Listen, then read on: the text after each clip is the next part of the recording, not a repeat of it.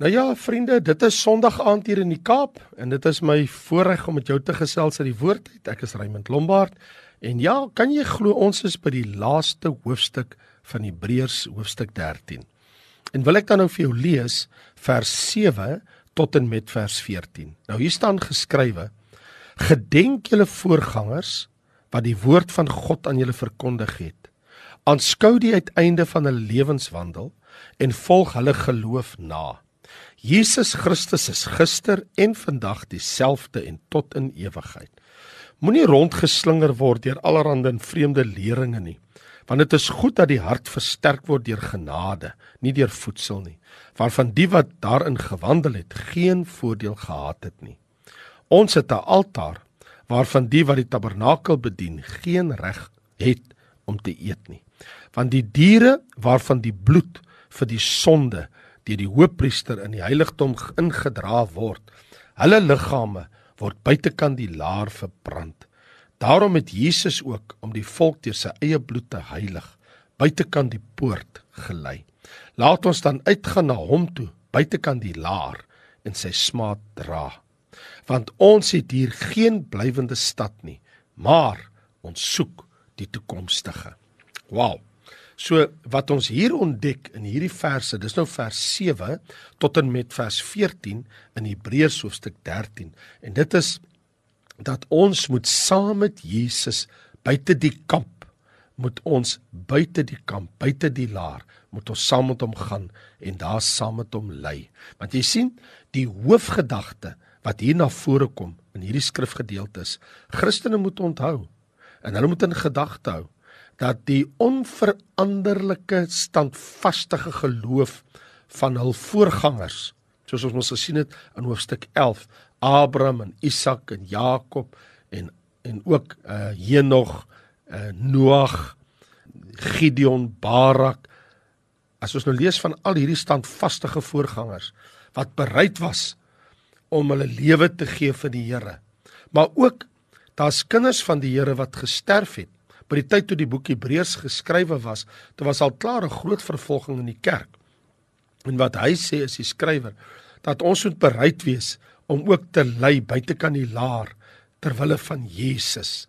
Anderswoorde as dit nodig is, moet ons ons kruis opneem en die Here volg. En dis tog wat die Here van ons vra, al is daar teenstand, moet ons nogtans die kruis opneem. Nie net in die goeie dae nie, maar ook wanneer daar teenstand is. So wat hier gebeur is, Die Hebreërs skrywer, hy tree as ware hierop soos 'n bevelvoerder wat sy laaste bevele gee aan sy troepe mag. En dit is 'n woord wat hulle toe nodig gehad het. En kom ek vir jou sê, dit is 'n woord wat ek en jy vandag nodig het om te hoor. En so die eerste ding wat hy doen in vers 7 is hy sê gedenk julle voorgangers. In ander woorde, onthou die gelowiges wat jou voorgegaan het vir al die wat die woord van God aan jou verkondig het. Hy sê: "Gedenk julle voorgangers wat die woord van God aan julle verkondig het." So wie is diegene wat die evangelie die heel eerste keer aan jou gebring het? By wie het jy die heel eerste keer van Jesus gehoor? Weet vir jou die woord van God die heel eerste keer voorgaan. Kan jy onthou? Weet jy wie daai persoon is? Is dit 'n man? Is dit 'n vrou? Is dit 'n ou mens, 'n jong mens? Ken jy daai persoon? Wie is die persoon wat Jesus se woord, die woord van God, die eerste keer vir jou oopgebreek het? En so wat die Hebreërs skrywer hier vir ons sê, is gedenk daai mense, onthou die prys wat hulle betaal het. Nou wonder ek net, hoekom sê hy nie eer hulle of respekteer hulle of groet hulle nie. Hoekom sê hy gedenk hulle, onthou hulle? Die rede daarvoor kan wees want hierdie vorige leiers, hulle het reeds gesterf as martelare vir hulle geloof in Jesus. Dis mense wat die evangelie verkondig het aan hierdie mense in die, in die skrywe aan wie hy hierdie boek rig wat al reeds die prys betaal het. Dis kom hy sê gedenk hulle. Anders sou hulle mos gesê het mag stuur vir hulle groete of hy sal sê julle moet hulle eer en respekteer. Hy sê nee, julle moet hulle onthou. Nou bemoedig die skrywer hulle aanskou die uiteinde van hulle lewenswandel en volg hulle geloof na. Want jy sien, disippelskap bestaan tog hierin dat ons ons lewens so lei voor ander dat hulle van ons kan leer hoe om te lewe. Nie net moet ons ag slaan op wat ons geleer het, want hy sê mos gedenk julle voorgangers wat die woord van God aan julle verkondig het. Maar hy sê ook volg hulle lewenswandel na. 'n woorde, hulle geloofslewe, volg hulle geloof na hulle lewenswandel, want jy sien 'n Christen gelowige word geïdentifiseer as 'n man of vrou in wie Christus weer leef. Jesus leef in my en hy sê onthou ook julle saligmaker. Hy sê Jesus Christus is gister en vandag dieselfde en tot in ewigheid. Hy sê moenie net die julle voorgangers onthou, die mense wat aan julle die evangelie verkondig het, wat alreeds die prys betaal het as martelaar en heen gegaan het. Hy sê maar onthou vir Jesus. Onthou julle saligmaker. Ek bedoel die skrifte het tog baie duidelik vir ons gesê die laaste uh, Bybelboek in die Ou Testament Maleagi 3 vers 6 want ek die Here verander nie. En hier staan Jesus Christus vandag gister en tot in ewigheid dieselfde. So alhoewel my en jou uiterlike omstandighede voortdurend verander, hoef ons ons nie te bekommer of ons saligmaker Jesus Christus gaan verander nie. Ons mag verander, ons omstandighede mag verander, maar ons kan verseker rus in hierdie absolute wete. Hy verander nooit. Of soos Maleagi sê, ek die Here, het die Here vir hom gesê, het nie verander nie. Ook ons geloof en die leer van die skrif verander mos nie. Want jy sien wat ons hier het, is baie duidelik. Ek kyk hierso nou na Judas. Dit is nou die boek Judas, die die sendbrief net voor die boek Openbaring 1 vers 3 staan. Dat geliefdes, ek skryf aan julle oor ons gemeenskaplike saligheid. Ek het noodsaaklikheid gevoel om julle deur my skrywe te vermaan om kragtig te stry vir die geloof wat eenmal aan die heiliges oorgelewer is. So Daar bestaan nie so iets as 'n nuwe verbeterde Christelikheid nie. Ek bedoel, ons mag nuwe leiers kry en selfs die lesers van hierdie brief toe hierdie skrywer dit aan hulle geskryf het, hulle mag nuwe leiers kry. Daar mag nuwe omstandighede wees, maar die saligmaker, hy bly dieselfde, hy verander nooit en daarom kan die Christelike boodskap nie verander nie, net so min as wat die Here Jesus kan verander. En nou gaan hy nog 'n tree verder. Hy sê in vers 9 moenie rondgeslinger word deur allerhande en vreemde leringe nie. Hy twee woorde wat hy gebruik om hierdie soort leringe te beskrywe wat ek en jy ten alle koste moet vermy. Hy noem dit allerhande leringe en vreemde leringe. Daar is tog net een ware geloof Daar is tog net een ware evangelie. Daar is tog net een ware saligmaker en enige leringe wat teen die gesonde leer van die skrif is, moet ek en jy verwerp. En alhoewel die skrywer nie die verskillende soorte allerhande vreemde leringe beskryf nie, suggereer die volgende verse wat hy in, in sy gedagte gehad het, wat sy gedagtegang was. Want dit verwys na sekere leringe uit die wetboeke van die Ou Testament. Want hy verwys mos hier in die besonder luister mooi wat sê in vers 9.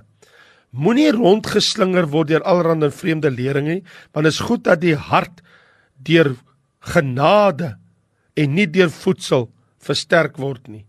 So waardeur was die volk Israel versterk?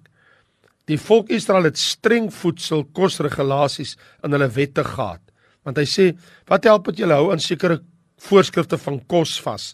Aan sekere kos raak nie smaak nie raak nie aan nie. So hy verwys eintlik hier na wetlike dinge. Want hy sê dit is beter dat jou hart deur genade versterk word en nie deur voedsel nie. So hy impliseer eintlik in hierdie brief dat hierdie mense wil sekere wette onderhou. Wel nuwe testamentiese christene word versterk deur genade en nie deur voedsel nie. Hy waarsku sy lesers dat hulle nie hulle laat mislei op 'n dwaalspoor laat bring deur leringe wat hulle tot geen voordeel sal strek nie. So want onthou hy skryf die boek in Hebreërs, dit is Joodse Christene. So hy skryf vir hierdie Joodse Christene wat kosher wette het dat hulle lê soveel klem op Ou Testamentiese dieetwette en regulasies dat jy die groter meer belangriker sake van saligheid so saligheid deur die geloof en genade in Jesus Christus agterweë laat. Die boodskap van die boek Hebreërs is dan nou juis die nuwe verbond, die nuwe testament deur Jesus Christus bemiddel deur Jesus se bloed, die voortreffelikheid van dat hy is veel groter en sy woord as die ou verbond, die Ou Testament met al sy 613 wette. So die boodskap kom nou glashelder duidelik deur. Dit maak nie saak hoe besorg ons is oor die eetwette en reëls en regulasies. Christene lewe deur genade en ons harte word versterk deur genade. Want luister wat sê aan die einde van vers 9.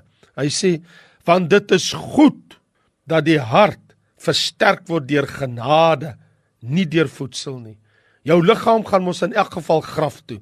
Dit gaan sterf, dit gaan stof word. Jou gees lewe tot in alle ewigheid in God se teenwoordigheid. So die gees is meer as die liggaam. Maar nou gaan hy nog 'n tree verder in vers 10 en 11. Hy sê want ons het 'n altaar waarvan die wat die tabernakel bedien geen reg het om te eet nie, want die diere waarvan die bloed vir die sonde deur die hoofpriester in die heiligdom ingedra word, hulle liggame word buitekant die laar verbrand. En hy sê in vers 12, daarom het Jesus ook om die volk deur sy eie bloed heilig buitekant die poort gelei. Nou laat ons uitgaan hom te buitekant die laar in sy smaad dra. Sy punt wat hy maak is glashelder. Eerder om die regte Joodse dieet van die ou verbond slaafs na te volg, moet ons as Nuwe Testamentiese Christene eerder voed op Jesus Christus. Hy is ons spys. En nou vergelyk hy die nuwe verbond en die kruis van Christus. In ander woorde, as hy praat van die ou verbond, praat hy van die ou verbond by die altaar van dierebloed, maar hy praat van die nuwe verbond as die altaar, die kruis van Jesus Christus. Jy sien, die ou verbond, die altaar by die tabernakel, verwys hy ons nou baie duidelik dat daai diereliggame wat geoffer was onder die ou verbond, daai dierebloed, daai karkasse was buitekant die laar In ander woorde, nadat hulle die bloed geoffer het, het hulle die karkasse van daai diere het hulle buitekant die laar uitgedra en is buitekant die laar verbrand en begrawe. Soos hy sê, hulle liggame. Hy sê die diere waarvan die bloed deur die hoofpriester in die heiligdom ingedra is. Hy sê die bloed van die diere het in die heiligdom ingegaan, maar hulle liggame buitekant die laar verbrand. So op dieselfde wyse sê hy is die liggaam van Jesus Christus buite Jerusalem buite kan die stad geneem. Want onthou Jesus mag nie in Jerusalem gesterf het nie. Daar staan mos in in Johannes hoofstuk 19 vers 17 hy het sy kruis gedra en uitgegaan uit die stad uit na die sogenaamde hoofskedelplek in Hebreëus Golgotha waar hy gekruisig was twee, een aan die een kant, een aan die ander kant en Jesus in die middel. En Pilatus het ook 'n opskrif geskrywe. Ja, dit is Jesus die Nasareëner, die koning van die Jode. En hierdie opskrif het baie Jode gelees want die plek waar Jesus gekruisig was, was naby die stad en dit was geskryf in Hebreëus, Grieks en Latyns. So Jesus moes sy kruis buitekant die stad dra en die diere wat se bloed geoffer was, moes buitekant die stad se liggame verbrand word. Dis 'n ongelooflike korrelasie wat Christus se lyding betref buite die stad en dit so verhoog wat dit so uitnemend maak is dat wat die Ou Testamentiese diereoffers betref het Jesus het buite die poort gelei sodat die skrif vervul kan word. Ek bedoel dit staan ons hier in vers 12 daarom het Jesus ook om die volk deur sy eie bloed te heilig buitekant die poort gelei. Sy bloed maak gelowiges heilig Dit kon dierebloed nooit gedoen het nie. Dierebloed het sonde net bedek. Hy sê om die volk deur sy eie bloed te heilig. Die volk was nooit geheilig deur die bloed van diereoffers nie.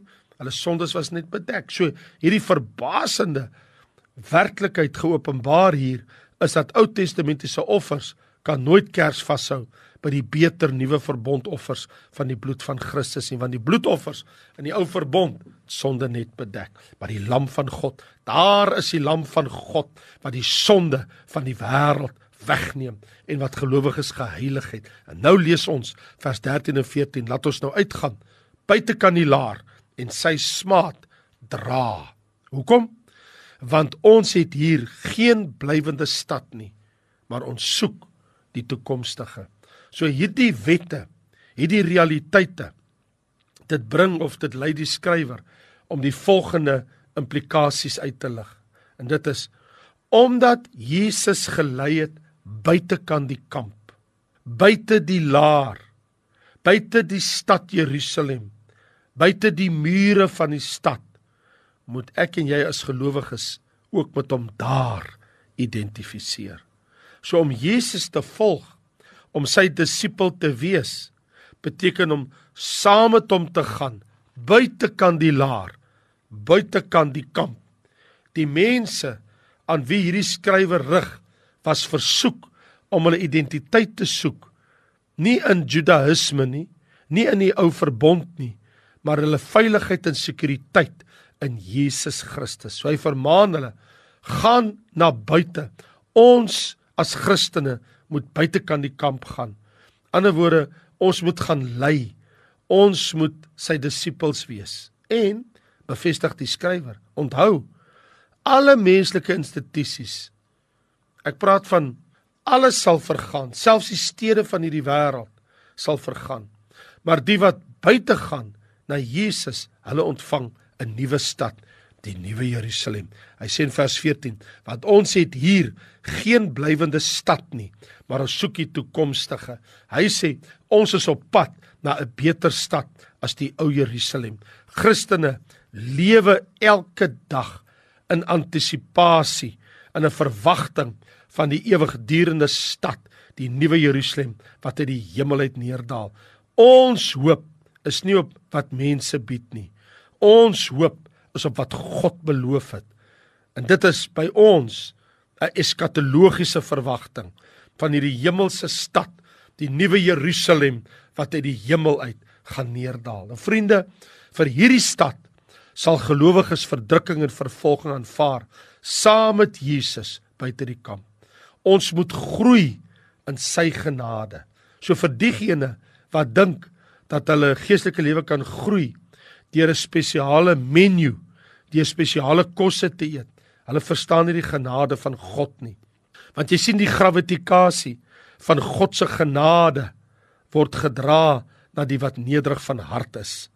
Genade is vir die nederiges.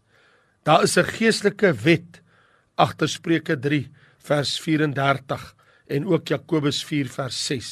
Verneder jou voor die Here, dan sal hy jou verhoog. Jy sien die trotse siel wat voor God staan, ontvang nie die voordele van God se genade nie. Maar die genade van God mag wel val op die persoon wat neerkniel. O, as ek en jy maar net kan weet. Weet jy, dit is soos 'n standbeeld van 'n mens.